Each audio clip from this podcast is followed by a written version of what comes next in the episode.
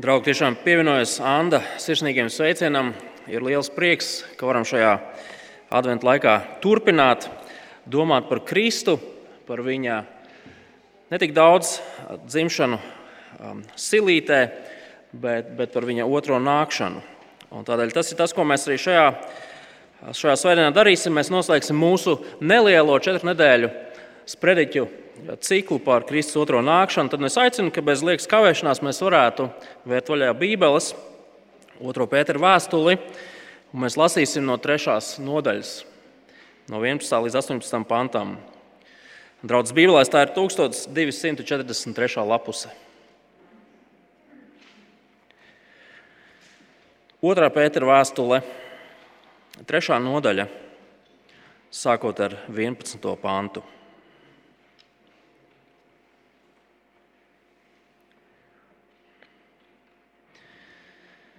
Ja reiz viss tā ies bojā, kādiem gan jums vajadzētu būt svētā dzīvošanā un dievībā?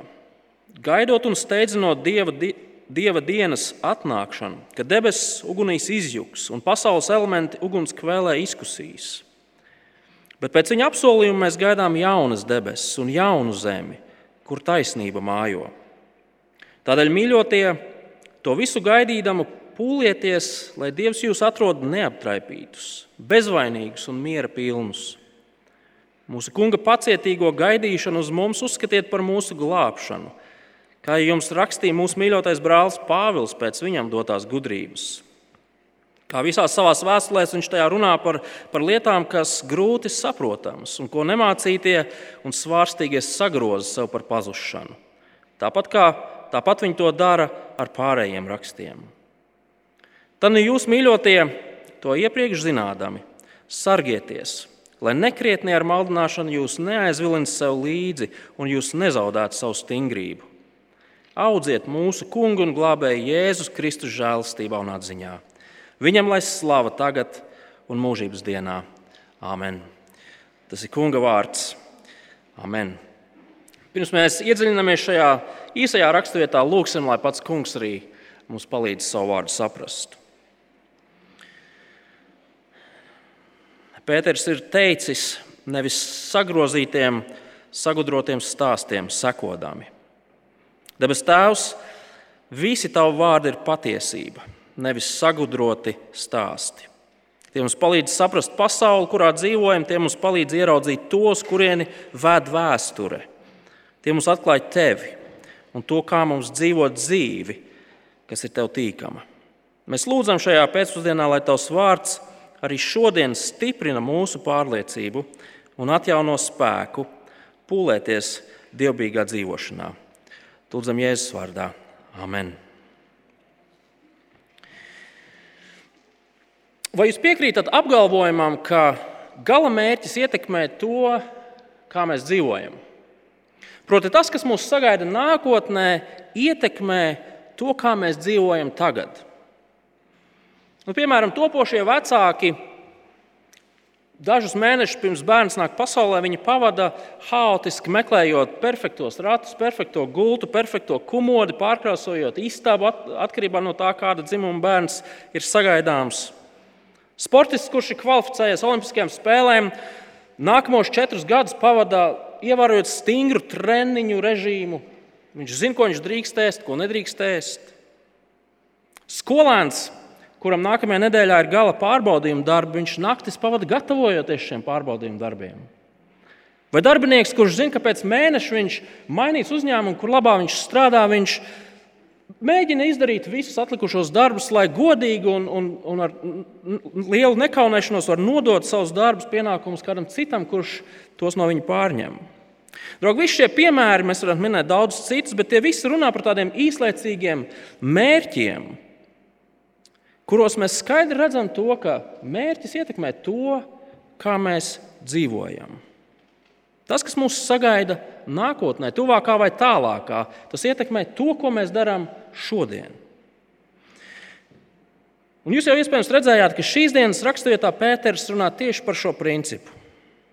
Pēters pasaka, ka mūsu nākotne ietekmē to, kā mēs dzīvojam šodien. Pēters raksta šo īso, trīs lapas pusītes garo vēstuli, jo viņš vēlas, lai cilvēki, kristieši, atcerētos kādu svarīgu lietu. Kristus nāks. Kristus nāks otrais. Un tādēļ atbilstoši dzīvojiet tagad. Un svarīgi ir saprast, ka šī Kristus nākšanas gaidīšana jau tāda nav tāda pasīva aktivitāte. Mēs pasīvi varam gaidīt autobusu pieturā sēžot. Vai mēs pasīvi varam sēdēt mašīnā un gaidīt, kad mūsu laulātais draugs nenosauks dzimumu, beidzot sataisīsies, lai mēs varam braukt vakar, vakar izklaidēs. Tā ir pasīva gaidīšana. Taču Pēters vēlas, lai kristieši vienmēr būdami pārliecināti par to, kas viņus sagaida nākotnē, atbilstoši dzīvotu. Tāpēc, ka tu zini, kas tev sagaida nākotnē, tu zini, kā tev ir jādzīvo. Kristietim ir jāzina tas, kas viņam ir jādara, uz ko viņam ir jākoncentrējas, kur viņam sevi ir jāiegulda šajā dzīvē. Ar kādu attieksmi viņam gal galā ir jāizturās pret šo dzīvi un visu, ko mēs šajā dzīvē varam baudīt. Kāpēc? Tāpēc, ka kristieša dzīve, tas, kā viņš dzīvo savu dzīvi, norādīs, neizbēgami norādīs uz viņa pārliecību, uz to, kam tad gal galā viņš tic un par ko viņš ir pārliecināts. Draugi, dzīves veida, dzīvesveida un pārliecības miedarbība norāda uz to, cik mēs savā ticībā esam nobrieduši. Sportists, kurš gatavojas Pekinas Olimpiskajām spēlēm, kādā no smalkajiem vingrošanas sporta veidiem, viņš nepavadīs savu ikdienu ēdot burgerus. Pareizi. Un šīs dienas raksturvietā mēs varam redzēt divas lietas. Sākumā Pēters vēlreiz runā par to, kas tad kristiešus sagaida nākotnē. Kas tad ir tas gala mērķis, uz kuru mēs ejam? Un pēc tam Pēters velta dažus pāns, lai runātu par to, kas tad kristietim tagad ir jādara. Kā viņam ir jāiet uz šo gala mērķi. Tad nu, mēģināsim īsumā arī šīs divas lietas aplūkot. Kas tad mūs sagaida? Un Pēters pasaka, mūs sagaida kaut kas baisi brīnišķīgs.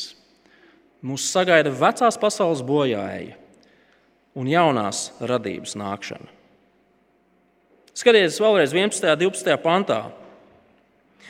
Ja reiz viss tā ies bojā, kādiem gan jums vajadzētu būt svētā dzīvošanā un dievbijā, gaidot un steidzinot dieva dienas atnākšanu, kad debesis ugunīs izjuks un pasaules elementi ugunskvēlē izkusīs. Jūs piekritīsiet, ka nav iespējams mazināt šo pāntu skanējumu vai izvairīties no šai, šo pāntu tiešuma. Dieva dienas atnākšana sev līdzi nesīs kosmisku bojāēju. Dažus pantus iepriekš Pēters atsaucās uz kādu vēsturisku notikumu, kas risinājās daudzus gadsimtus pirms tam, uz Noā laikiem un lielajiem plūdiem, kur, caur kuriem Dievs tiesāja visus grēcīgos iedzīvotājus, ļaundarus. Un Pēters šo atsauci uz, uz vēsturisko notikumu izmantoja, lai runātu par to, ka kādu dienu Dievs spriedīs līdzīgu tiesu.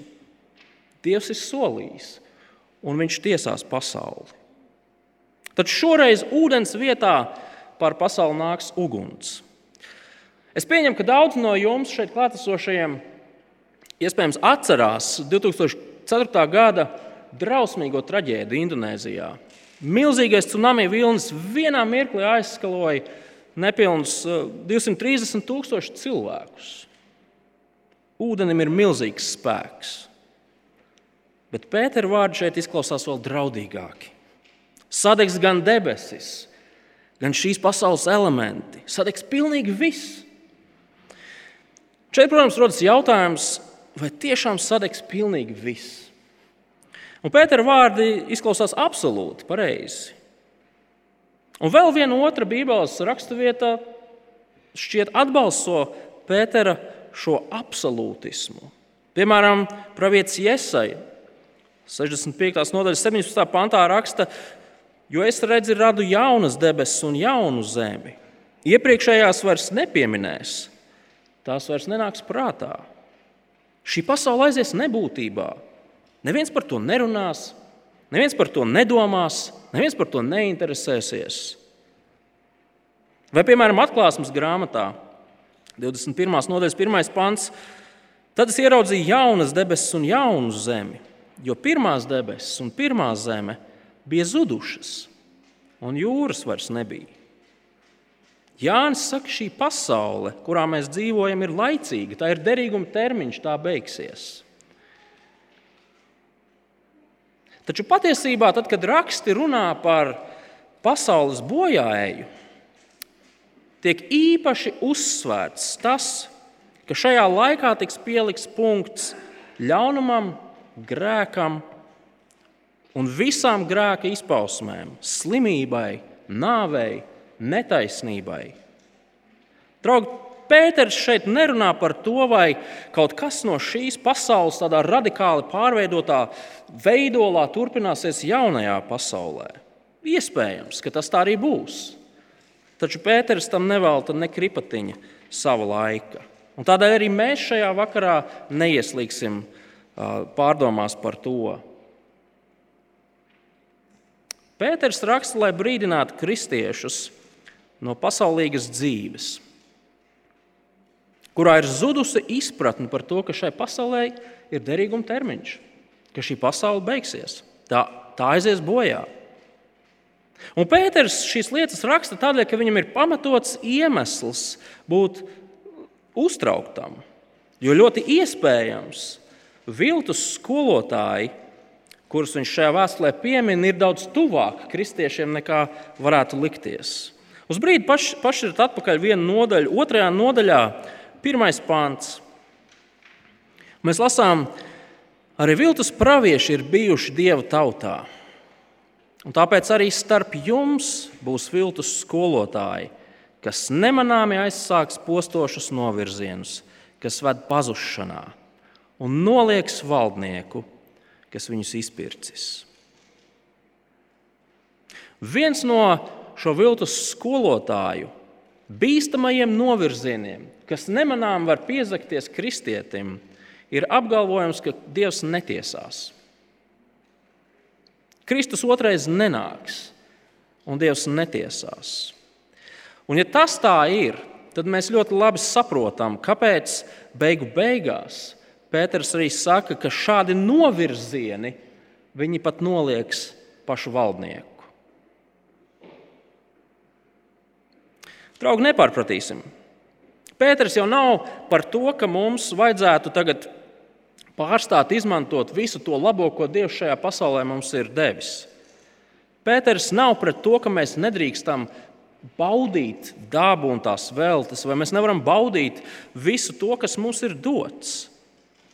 Gal galā par spīti ļaunumam, par spīti grēkam, kas gulstas pār šo pasauli un lāstām, šajā pasaulē ir daudzas brīnišķīgas lietas, pareizi, skaistas lietas, lietas, kas mums sagādā prieku un baudījumu, lietas, kuras mēs varam izmantot. Taču Pētera brīdinājums ir, ka mēs pārlieku daudz neieguldamies šajā zemē. Tas nav tā vērts. Tā vietā savā dzīvē būsim svēti un dievbijīgi. Ko tas nozīmē? Mēs jau pagājušajā runājām, ka tas nozīmē, būsim tādi, kas saprot, ka visa mūsu dzīve no sākuma līdz galam pieder Dievam. Pieder Dievam. Un līdz ar to mums ir jābūt cilvēkiem, kas dzīvo savu dzīvi, Dieva doto dzīvību, darot tās lietas, kas pagodina Dievu, kuram mēs piederam. Pēters saka, kas mūs sagaida nākotnē? Mūs sagaida tas, ka šī pasaule aizies bojā. Bet šīs pasaules vietā nāks jauna pasaule. Skatieties, 13. pantā. Bet pēc viņa apsolījuma mēs gaidām jaunas debesis un jaunu zemi, kur taisnība mājo. Kā jau pirmie teicu, mēs, mēs nezinām to, kas no vecās radības tādā radikāli pārmainītā veidā tieši turpināsies jaunajā radībā. Kad Bībele runā par jauno pasauli, tā mums liek noprast, ka tur mēs joprojām būsim tādi, kā mēs esam. Mēs būsim cilvēki, nevis kaut kāda tāda ēteriska masa, kas kaut kur ceļo starp zvaigznēm. Mēs būsim personas, mēs viens otru varēsim atpazīt kā cilvēki. Tāpat mums Bībelē liek noprast, ka tur būs kaut kāda veida radība, tur būs banketi, svinības, brīnišķīgas lietas. Viens no spilgtākajiem citātiem Bībelē, kas apraksta šo jauno radību, ir atrodams pravietī Iesajā. 65. nodaļas, 20, 20. līdz 25. pants. Ja gribat, varat ātri atvērt Iesai 65, 20 līdz 25. Pravietis raksta, tur nebūs vairs zīdaiņi, kas dzīvo vien dažas dienas, nedz sirmgalvi, kas savu dienu mēru neizdzīvo. Kas simts gados nomirs, tas būs vēl jauneklis. Kas nesasniegs simts gadus, būs ticis nolādēts. Tie namus cels un tajos dzīvos, vīna dārzus stādīs un augļus baudīs. Tie nebūvēs, lai dzīvotu citi, un nestādīs, lai baudītu citi. Jo kā koka mūžs būs manas tautas mūžs. Man izredzētie paši izmantos savu roku darbu. Viņu pūliņi nebūs velti, un bērni tiem nedzims postam, tie būs kunga svētības sēkla, un viņa pēcnācēji ar tiem. Un būs tā, pirms viņi sauks, es jau atbildēšu, vēl viņi runās, es jau uzklausīšu. Vilks un jēriņš ganīsies kopā, un lauvēdīs salmus kā vērsis, bet čūskas barī būs pīšļi. Nec ļauna, nec posta nedarīs visā manā svētajā kalnā, teica kungs. Brīnišķīgs apsolījums. Un kaut kādā ziņā cilvēki visos laikos ir gaidījuši, kad šī diena pienāks. Senais Izraels gaidīja, kad Dievs beidzot atjaunos viņus un dāvās šo, kas šeit ir aprakstīts. Bet patiesība ir tāda, ka šis nav iespējams uz šīs zemes. Šis ir brīnišķīgs jaunās pasaules apraksts. Un tas ir kā malks, svaiga, svaiga gaisa, īpaši ņemot vērā tos, tos notikumus, kas risinās pēdējos divus gadus. Bet lasot iesaistītas vārdus, vai šis citāts mums kaut ko neatgādina? Varbūt es kļūdos, bet šajos pantos mēs redzam to, ka tiek izlabots pilnīgi viss, kas nogāja greizi ēdienas dārzā, kad cilvēks sacēlās pret Dievu. Tad, kad cilvēks sacēlās pret Dievu, tika sabojātas cilvēku savstarpējās attiecības. Pasaulē ienāca bailes, kauns, skaudība, netaisnība, ļaunums, ko cilvēks cilvēkam nodara. Taču skatieties, jaunajā radībā visi dzīvos labklājībā, mierā. Neviens nevienam neko neatņems, katram būs pietiekami. Grēka krišanas dēļ darbs kļuva par smagu nastu. Tas zaudēja savu jēgu un nozīmi. Jaunajā radībā darbs sagādās prieku, nesīs labus augļus. Grēkā krišanas dēļ gal galā cilvēks tika izraidīts no dieva klātbūtnes. Vai jūs redzējāt, jaunajā radībā savukārt Dievs būs kopā ar saviem ļaudīm. Un viņš tiem atbildēs vēl pirms viņa ļaudis būs izteikuši savas lūgšanu vajadzības kas par brīnišķīgu nākotnes ainu. Taču taisnības labad uzreiz ir jāsaka, ka Pēters īstenībā ir visai skops runājot par šo jauno radību.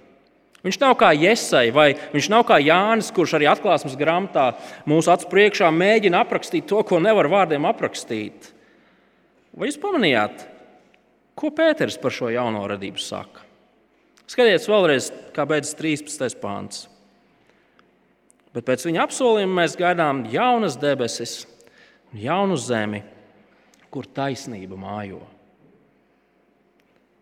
Jaunas debesis, jauna zeme ir vieta, kur taisnība mājo. No pirmā acu uzmetiena iespējams liekas, nu, varēja jau labāk, Pēteri. Nemaz neizklausās tik grandiozi, vai ne? Bet padomājiet par šiem diviem vārdiem.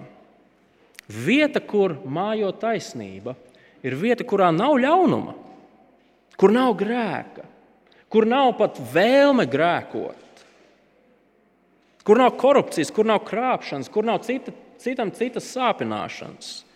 Tur nav bezjēdzīgas nodarbes, negodīgi darba devēji un darba ņēmēji. Un, ja tā padomā, tad šī mazā frāzīte, kur taisnība mājo, savalk kopā visu to grandiozo, ko Iesaija vai Jānis ir centušies aprakstīt savās grāmatās. Taču, manuprāt, pats svarīgākais ir tas, ka taisnība jau nav kaut kāds abstrakts jēdziens. Taisnība ir pats kungs. Pēters runā par vietu, kurā mājo pats kungs, kurš absolūtā veidā ietekmē visu ap sevi. Un turklāt, ja tā padomā, mājošana, šis vārds mājošana nozīmē to, ka tas ir kaut kas stabils, pastāvīgs, noturīgs. Taisnība neiegriežas šajā vietā pēcpusdienā, piekdienas pēcpusdienās, lai pārbaudītu, vai viss ir kārtībā. Nē, taisnība tur ir. Tās ir taisnības mājas. Un Pēters saka, kādu dienu arī mēs tur nonāksim. Tas mums ir apsolīts. Kādu dienu mēs dzīvosim vietā, kur valda taisnība. Draugi, Pēters vēlas, lai kristieši nekad neaizmirstu to, kas viņus sagaida nākotnē. Šī pasaule, kurā mēs dzīvojam, viņas sadegs, viņa aizies bojā. Kā tieši to mēs nezinām, bet tas būs kaut kas globāls, kosmisks, milzīgs, visaptverošs. Par to mēs varam būt droši. Taču tajā brīdī, kad šī pasaule aizies bojā, mums tiks dāvāts jaunas debesis un jauna zeme, kur taisnība mājo. Ja tā var teikt, Pēters vēlas, lai kristieši nekad neaizmirstu to, ka viņi ir ceļā uz taisnības mājām. Tas ir mūsu galamērķis - taisnības mājas. Un, kā jau sākumā teicu, galamērķis ietekmē to, kā mēs dzīvojam, līdz mēs nonākam šajā galamērķī. Un tieši tam mēs arī pievērsīsimies. Kā tad mums dzīvot, ja mēs zinām to, kas mūsu nākotnē sagaida? Ja mēs varam turpināt ilustrāciju par došanos uz mājām, tad mēs varam teikt, ka mums ir jāsagatavojas savām jaunajām mājām. Un gatavošanās jaunajām mājām jau nav sapņošana, pareizi. Tie cilvēki, kuri iegādājas nekustamo īpašumu, kas ir kaut vai baltajā apdarē, ļoti labi zina. Līdz brīdim, kamēr viņi nonāk mājās, ir darbiņš jādara. Un atlikušajā laikā mēģināsim ieraudzīt dažas lietas, kuras Pēters saka par to, kā tad mums būs dzīvot, līdz mēs nonākam savā īstajās mājās.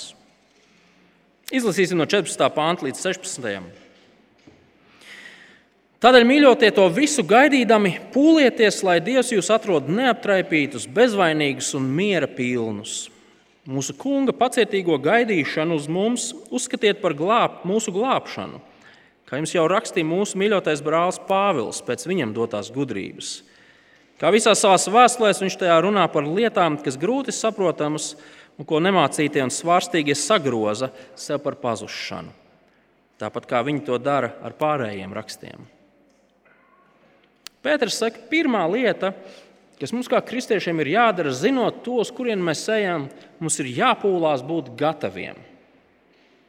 Pēters savus lasītājus mudina pūlēties būt neaptraipītiem, bezvainīgiem, miera pilniem. Un šī valoda norāda uz gatavošanos, uz gatavošanos milzīgam notikumam, nu, piemēram, kāzām. Un tā ir ilustrācija, ko mēs visi ļoti labi saprotam.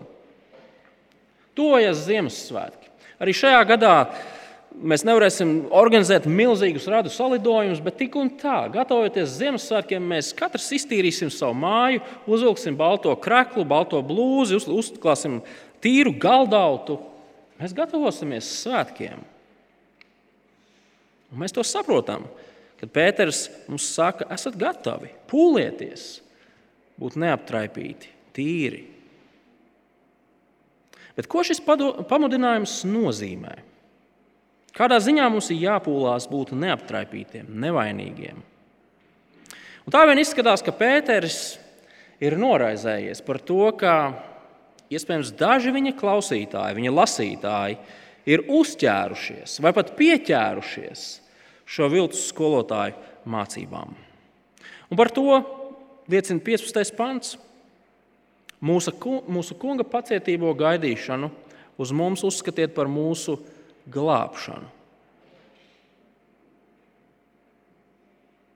Un šo domu pastiprina visa otrā nodaļa.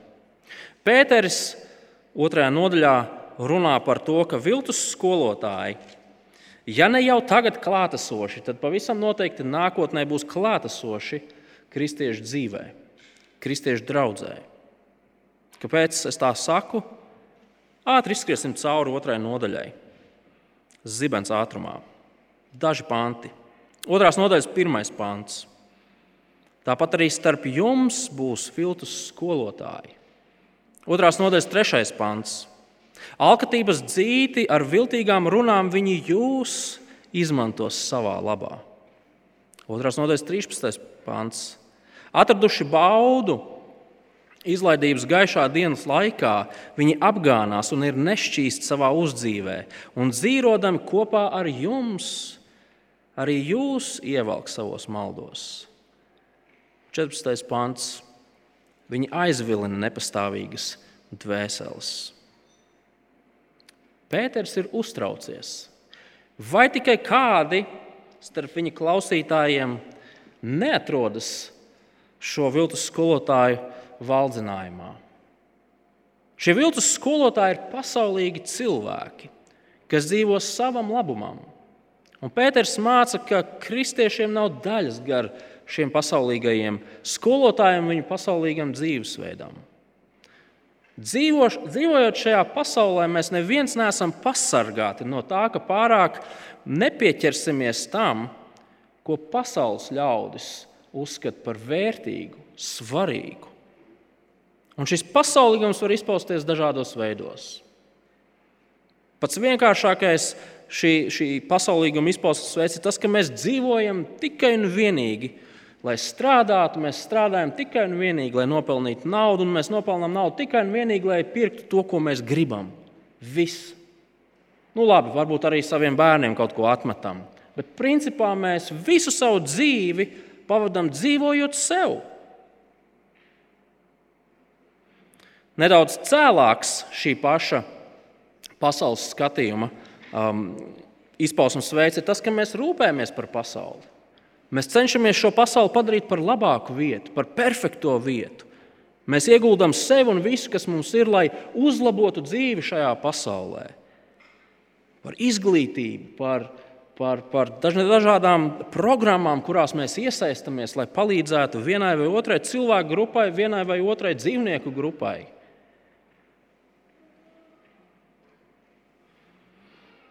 Draugi, skaidrs, ka Mums visiem kaut kur ir jādzīvo, mums visiem kaut kas ir jādara, mums visiem ir jārūpējas par tiem cilvēkiem, kas ir mums doti, mūsu bērniem, mūsu vecākiem, mūsu līdzcilvēkiem. Taču es pieņemu, ka jūs saprotat, ko es saku. Mums nevajadzētu pieķerties šai pasaulē vairāk, kā mēs ilgojamies pēc savām īstajām mājām. Mums nevajadzētu pieķerties šai pasaulē vairāk, nekā mēs ilgojamies pēc jaunās pasaules. Šīs zemes dzīve ir tikai pagaidām, uz brīdi. Jaunā radība ir mūžīga. Priecāsimies par šo pagaidu pasauli, bet nepadarīsim to par pašu svarīgāko. Drīzāk būsim gudri izmantot to, kas mums pagaidām ir dots, lai cits citam palīdzētu raudzīties uz to, kas ir mūžīgs. Un tieši tāpēc mēs, kā kristieši, mēs iesaistamies daudz dažādās lietās. Mēs rūpējamies par šo pasauli. Mēs negribam to piemēslot. Mēs negribam, lai mūsu bērniem un mazmazbērniem būtu grūti laiki tikai tādēļ, vien, ka mēs dzīvojam kā rupši. Taču beigu beigās mēs saprotam, ka pat visas rūpes un raizes par šo pasauli nav vērstas tikai uz to, lai padarītu šo pasauli par labāku vietu. Nē, Mēs to darām, lai varētu daudz labāk cilvēkiem norādīt uz nākamo pasauli. Tālāk, Pēters, interesanti, viņš, viņš piesauc arī apakstu Pāvilu. Un to, ka arī apustulis Pāvils runā par šīm lietām savā vēstulēs. Mums tam nav laika, bet, ja jūs lasītu Pāvila vēstules, jūs ātri vien ieraudzītu to, ka viens no Pāvila vēstuļu vadmotīviem patiešām ir mudinājums kristiešiem dzīvot nākotnē, tai kunga dienai. Pieķerties tai, nevis pieķerties šai pasaulē. Un tieši tāpat, kā pastāv cilvēki, kas cenšas oponēt Pēterim, Pēters saka, ir cilvēki, kas nepiekrīt Pāvilam, nepiekrīt Pāvila vārdiem.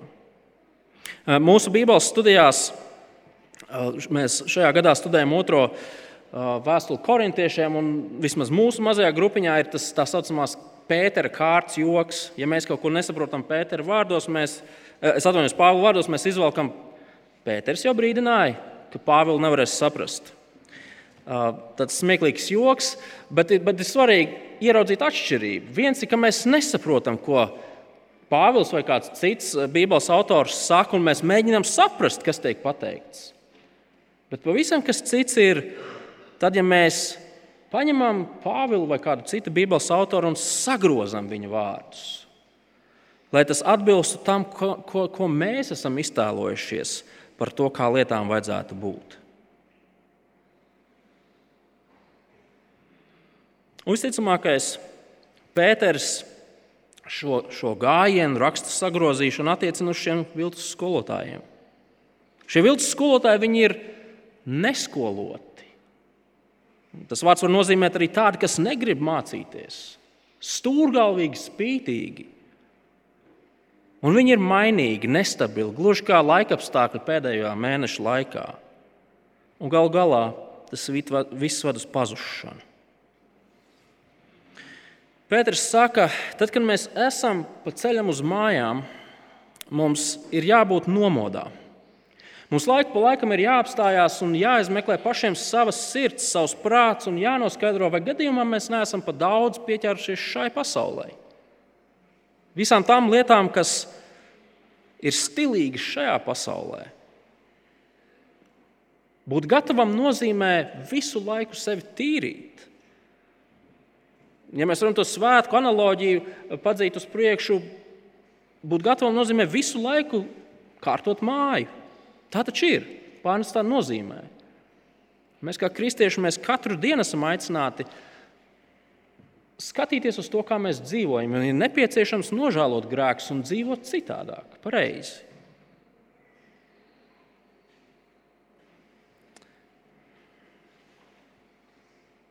Draugi, lai to darītu, Mums jābūt spējīgiem zināt, kas ir patiesība. Un kā to atšķirt no meliem? Un tā ir otra lieta, ko Pēters saviem lasītājiem saka. Viņš mudina kristiešus ne tikai būt gataviem, pūlēties būt gataviem, bet viņš mudina arī sargāties no maldināšanas. Skatieties, 17. pantā. Tad jūs, mīļotie, to iepriekš zinādami sargieties, lai nekrietni ar maldināšanu jūs neaizvilina sev līdzi un jūs nezaudētu savu stingrību. Sportists, kurš netrenējas, viņš zaudē savu sportisko formu. Mūziķis aizmirst sarežģītus gabalus, ja viņš nevingrina pirkstus katru dienu. Mēs aizmirstam svešu valodu, ja mēs to nepraktizējam. Cilvēks saka, ka vienīgā lieta, ko mēs nevaram aizmirst, ir kā braukt ar velosipēdu. Bet pilnīgi visu pārējo mēs varam aizmirst, ja mēs to nepraktizējam pareizi.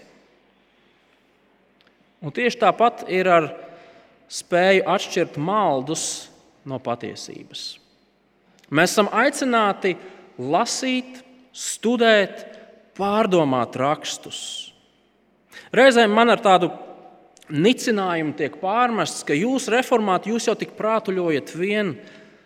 Piedodiet, bet nopietns darbs ar Bībeli jau nav reformātu izgudrojums. Tas ir paša apakstuļa Pētera mudinājums.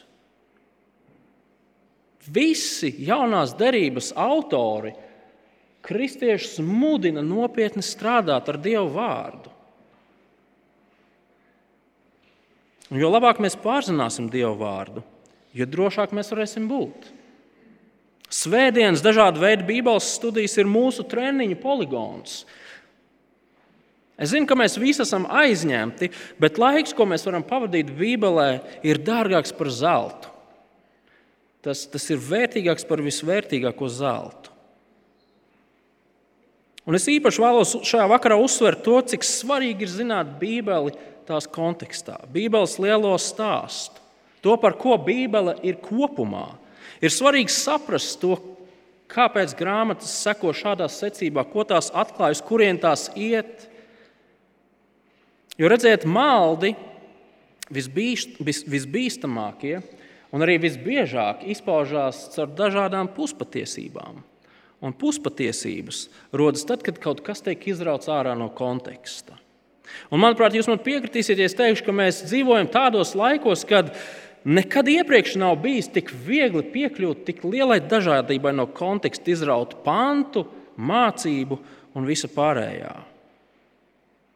Pēters teica, piesargieties, sargieties, ka jūs neuzķeraties uz maldinātājiem. Un es jau atkārtojos līdz nelabumam. Vienīgais veids, kā mēs varam sevi sargāt un neuzķerties uz maldinātājiem, ir tad, ja mēs zinām patiesību. Nevis dažus pantiņus no Bībeles, bet mēs zinām Bībeles stāstu kopumā. Mēs zinām Bībeles kontekstu. Visbeidzot, Pēters saka, ka mums šis laiks ceļā uz īstajām mājām ir jāizmanto, lai pieaugtu Kristus iepazīšanā. Skatieties, 18. pāns.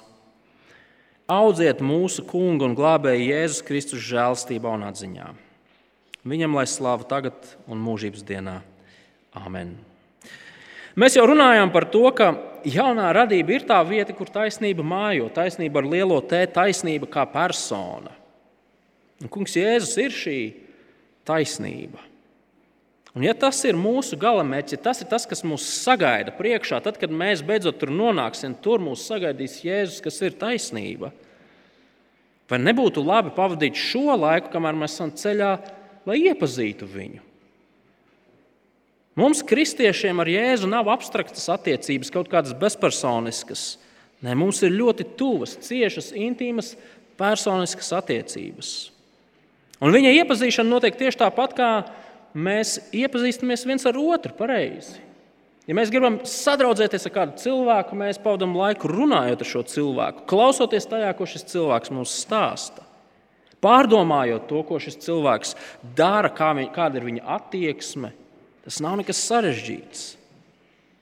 Kristus gadījumā tas nozīmē, ka mēs pavadām laiku lasot par viņa dzīvi, lasot par viņa darbiem, lasot to, ko viņš ir mācījis, raugoties uz viņa attieksmi mēģinot saprast, ko viņš ir teicis.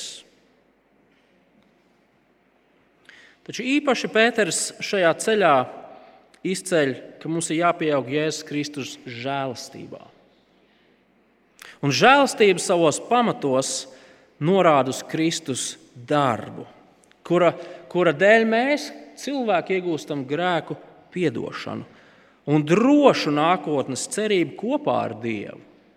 Draugi, tikai Kristus žēlastības dēļ mēs varam raudzīties uz mājām, kurā taisnība mājo un kurā kādu dienu arī mēs nonāksim.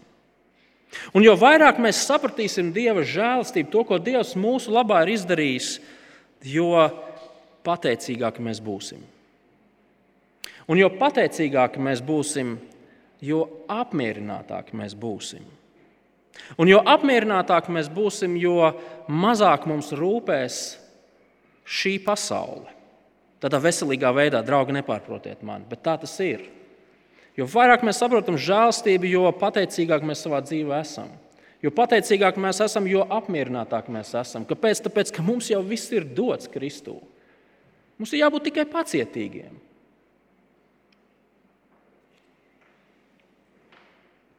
Draugi, Pēters vēlas, lai caur savu vēstuli, šo, šo savu atvadu vēstuli, viņš vēlas kristiešus stiprināt, un viņš vēlas kristiešus brīdināt.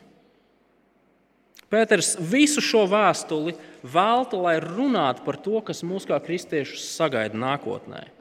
Lai mēs būtu droši, lai mēs neaizmirstu to ne brīdi. Mūs sagaida jauna pasaule, jauna radība kur taisnība mājo. Visa šī pasaule ar tās ļaunumu, un grēku, slimībām un nāvi, tas tiks iznīcināts, sadedzināts. Pēters vēlas, lai mēs dzīvojot, es nezinu, cik nu kuram mums vēl ir atlicis, kaut vai 50, 60, 100 gadus, lai mēs šos 100 gadus noietu, nesakot, klau, šeit ir labi. Es te varētu apsēsties un palikt. Pēters saka, nē, es gribu, lai jūs neaizmirstat uz to, uz kurien jūs ejat. Neapsēžaties šeit, turpiniet iet. Pēters vēlas, lai mēs pieskatītu sevi? Vai mēs neesam pārāk pieķērušies šai pasaulē? Pēters vēlas, lai mēs sargātu sevi un citus no viltus skolotājiem, kas mūs mudinās pieķerties šai pasaulē. Sakot, ka, ai, nu beidz, Dievs netiesās, Jēzus nenāks, un vispār vai Jēzus ir vienīgais kungs un glābējs šajā pasaulē. Pēters mudina kristiešus turpināt stāvēt par patiesību, studēt patiesību. Un visbeidzot, Pēters kristiešus mudina, draugi, jūs satiksiet savu glābēju, jūs satiksiet savu kungu. Mēģiniet viņu iepazīt, iepazīt viņu labāk un labāk. To gadu laikā, kas jums ir atvēlēti, dzīvot šajā pasaulē. Draugi, noslēdzot šo nelielo sprediķu sēriju par Kristus otro nākšanu, mēs esam skaidri no rakstiem ieraudzījuši to, ka Kristus pavisam noteikti atgriezīsies. Un neviens to nepalaidīs garām. Tā būs grandioza diena. Un Pēters grib, lai mēs būtu pārliecināti un modri par šo faktu. Tāpat mēs rakstos redzam, ka neviens no mums nespēja zināt vai prognozēt to brīdi, kad Jēzus atnāks. Tas var notikt pēc simts gadiem, tas var notikt rītdien. Un tādēļ Laikā līdz tas notiek, laikā līdz Kristus nāk otrais, mēs esam aicināti nevis krist kaut kādā panikā, sensacionālās spekulācijās, bet mēs esam aicināti darīt to, ko kristieši ir darījuši cauri gadsimtiem no pirmajām dienām. Mēs esam aicināti cīnīties ar grēku, mēs esam aicināti iestāties pret maldiem, zināt patiesību Un mēs esam aicināti iepazīt kungu Jēzu Kristu ar vien labāk un labāk. Pēters, rakstot šos atvadu vārdus, uzskata, ka tā būs īstā lieta, kas kristieti noturēs stingru un stabilu uz savām kājām, lai kādi vēji un vētras arī apkārt nepūstu, lai ko arī cilvēki nesludinātu un nemācītu. Ja mēs cīnīsimies ar grēku, ja mēs stāvēsim par to, kas ir patiesība, un ja mēs turpināsim iepazīt savu kungu un glābēju, mēs aiziesim līdz galam. Mēs nonāksim mājās, kurās taisnība mājo. Un tā būs ārkārtīgi brīnišķīga diena. Lai kungs mums visiem palīdz šajā ceļā. Lūksim! Labais dabas tēvs patiesi visi laiki ir nemiera pilni. Katram laikam un katram laikmetam ir savi izaicinājumi. Un arī mēs atzīstam, ka dzīvojam tādos nestabilos un nedrošos laikos. Un ir ārkārtīgi viegli pazaudēt fokusu, nolaist acis no tā, kas ir svarīgs, pieķerties tam, kas ir mazsvarīgs. Labais debes Tēvs, mēs lūdzam Tev, kā mēs varētu ar vien vairāk un vairāk iepazīt Tavu žēlstību. Tēvs, žēlastība mums atgādina to, kādu brīnišķīgu dāvanu tu mums esi dāvājis. Kad mēs bijām tavi ienaidnieki, tu mūs padarīji par saviem bērniem. Caur Kristus krusta upuri samaksājot sodu, kas pēc taisnības pienācās mums. Un tagad tu mums esi apsolījis, ka tajā dienā, kad tu tiesās pasauli, mēs nonāksim jaunajā pasaulē, kur mēs beidzot redzēsim tevi vaigu vaigā. Dabas tās, bet līdz tai dienai palīdzi mums cīnīties pret grēku savā dzīvē. Palīdz mums vienam otru pieskatīt, ka mēs neuzķeramies uz maldu mācībām. Un palīdz, kungs, mums, jo dienas jau vairāk ilgoties pēc tās dienas, kad mēs tevi satiksim, mūsu kungu un mūsu glābēju. Jēzus vārdā to lūdzam. Amen.